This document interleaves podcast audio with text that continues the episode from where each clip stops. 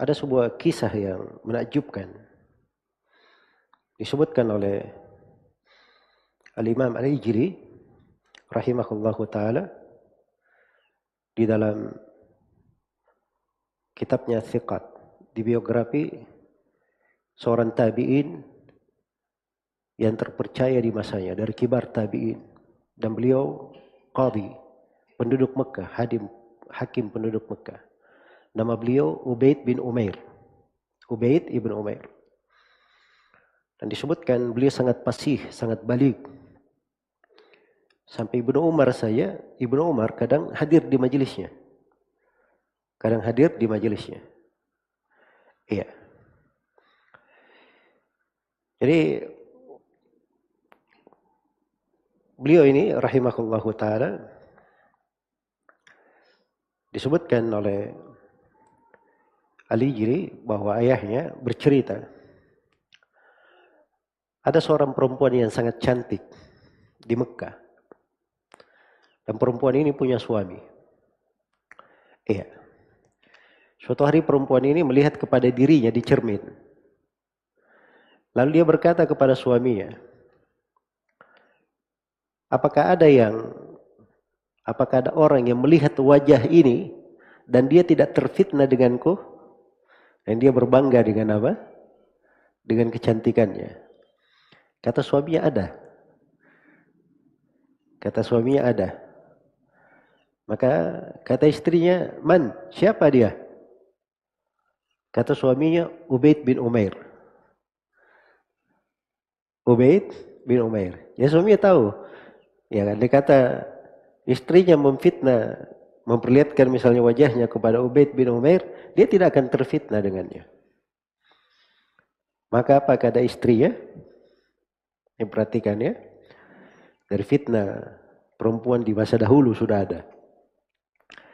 Dia berkata kepada suaminya, Pak dan li fi la'aftatinanna. Izinkan saya. Padanya saya akan memfitnahnya. Ya. Ini ucapan perempuan memiliki suami. Bagus atau tidak? Semuanya tahu ya ini bukan hal yang baik. Dan suaminya mirip-mirip dengan istrinya. Apa dia katakan?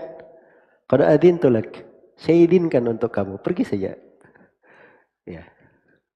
Coba kamu pergi fitnah tuh. Ubaid bin Umair. Maka datanglah perempuan ini ini subhanallah ya. Datang dia ke masjid. Dia datang sebagai seorang perempuan yang minta fatwa. Ya. Minta fatwa. Karena minta fatwa, mufti itu kadang kalau orang minta fatwa pribadi, dia layani pribadi.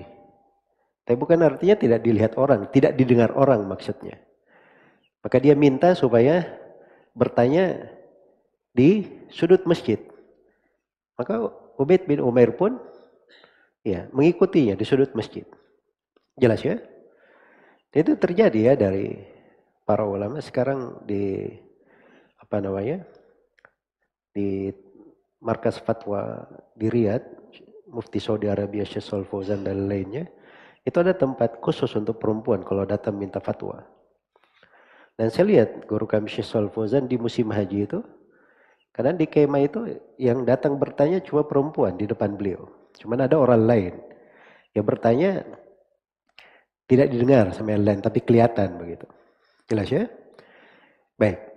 Nah itu kadang diperlukan memang. Waktu itu mereka bertanya, begitu caranya bertanya. Mau bertanya kayak bagaimana? Ya. Maka si perempuan ini begitu sudah berada di sudut Masjidil Haram, ini di Mekah ya Masjidil Haram. Maka dia menyingkap wajahnya. Iya. Dikatakan faasfarat an mitli falqatil qamar. Dia menyingkap wajahnya seperti sepotong bulan. Seperti sepotong rembulan. Karena cantiknya perempuan ini. Iya. Apa kata Ubaid bin Umair? Katanya, Ya amat Allah, Wahai hamba perempuan Allah. Iya. Ada apa dengan kamu? Kata perempuan ini, saya ini telah terfitnah dengan engkau. Saya ini telah terfitnah dengan engkau. Maka lihatlah solusi untuk saya. Nah, ini bahasa bahasa halus ya. Ya maksudnya kalau bahasa lebih tegasnya ya lakukan sesuatu saya terfitnah dengan kamu kan begitu. Ya. Maka kata Ubaid bin Umair, saya akan bertanya kepada engkau akan sesuatu. Kalau engkau jujur menjawab saya, ya, saya akan berusaha melihat keperluanmu. Kalau kamu jujur menjawab pertanyaan saya. Ya, maka kata perempuan ini, silahkan tanya apa saja, saya pasti akan jujur menjawabnya. Kata Ubaid bin Umair, sekarang beritahu kepada saya.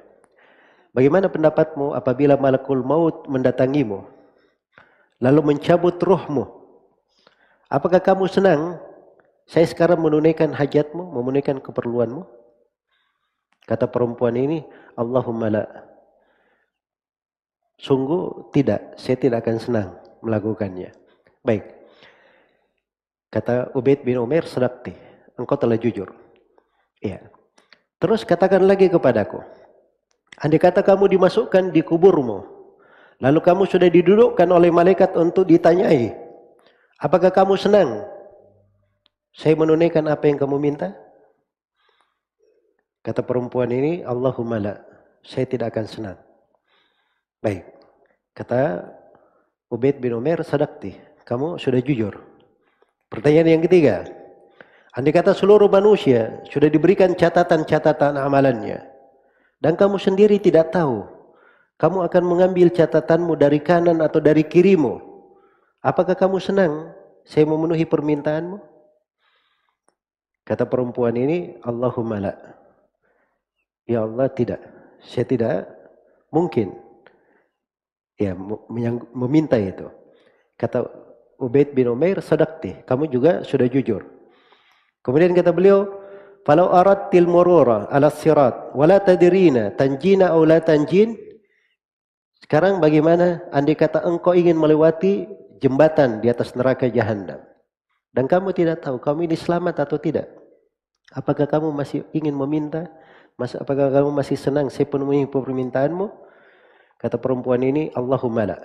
Tidak. Kata Ubaid bin Umar, kamu telah jujur juga. Pertanyaan berikutnya. Ya, kata beliau, bagaimana pendapatmu apabila didatangkan timbangan-timbangan dan kau didatangkan dan kamu tidak tahu timbanganmu ringan atau berat, apakah kamu senang saya tunaikan apa yang kamu minta? Kata perempuan ini Allahumma la. Dia lagi berkata tentu tidak. Kata Ubaid bin Umair, kamu telah jujur. Kemudian kata beliau, "Fala waqafti baina yadillahi lil musa'alah." Kalau kamu sudah berdiri di depan Allah untuk ditanyai, apakah kamu senang untuk saya memenuhi apa yang kamu minta? Kata perempuan ini tidak. Iya.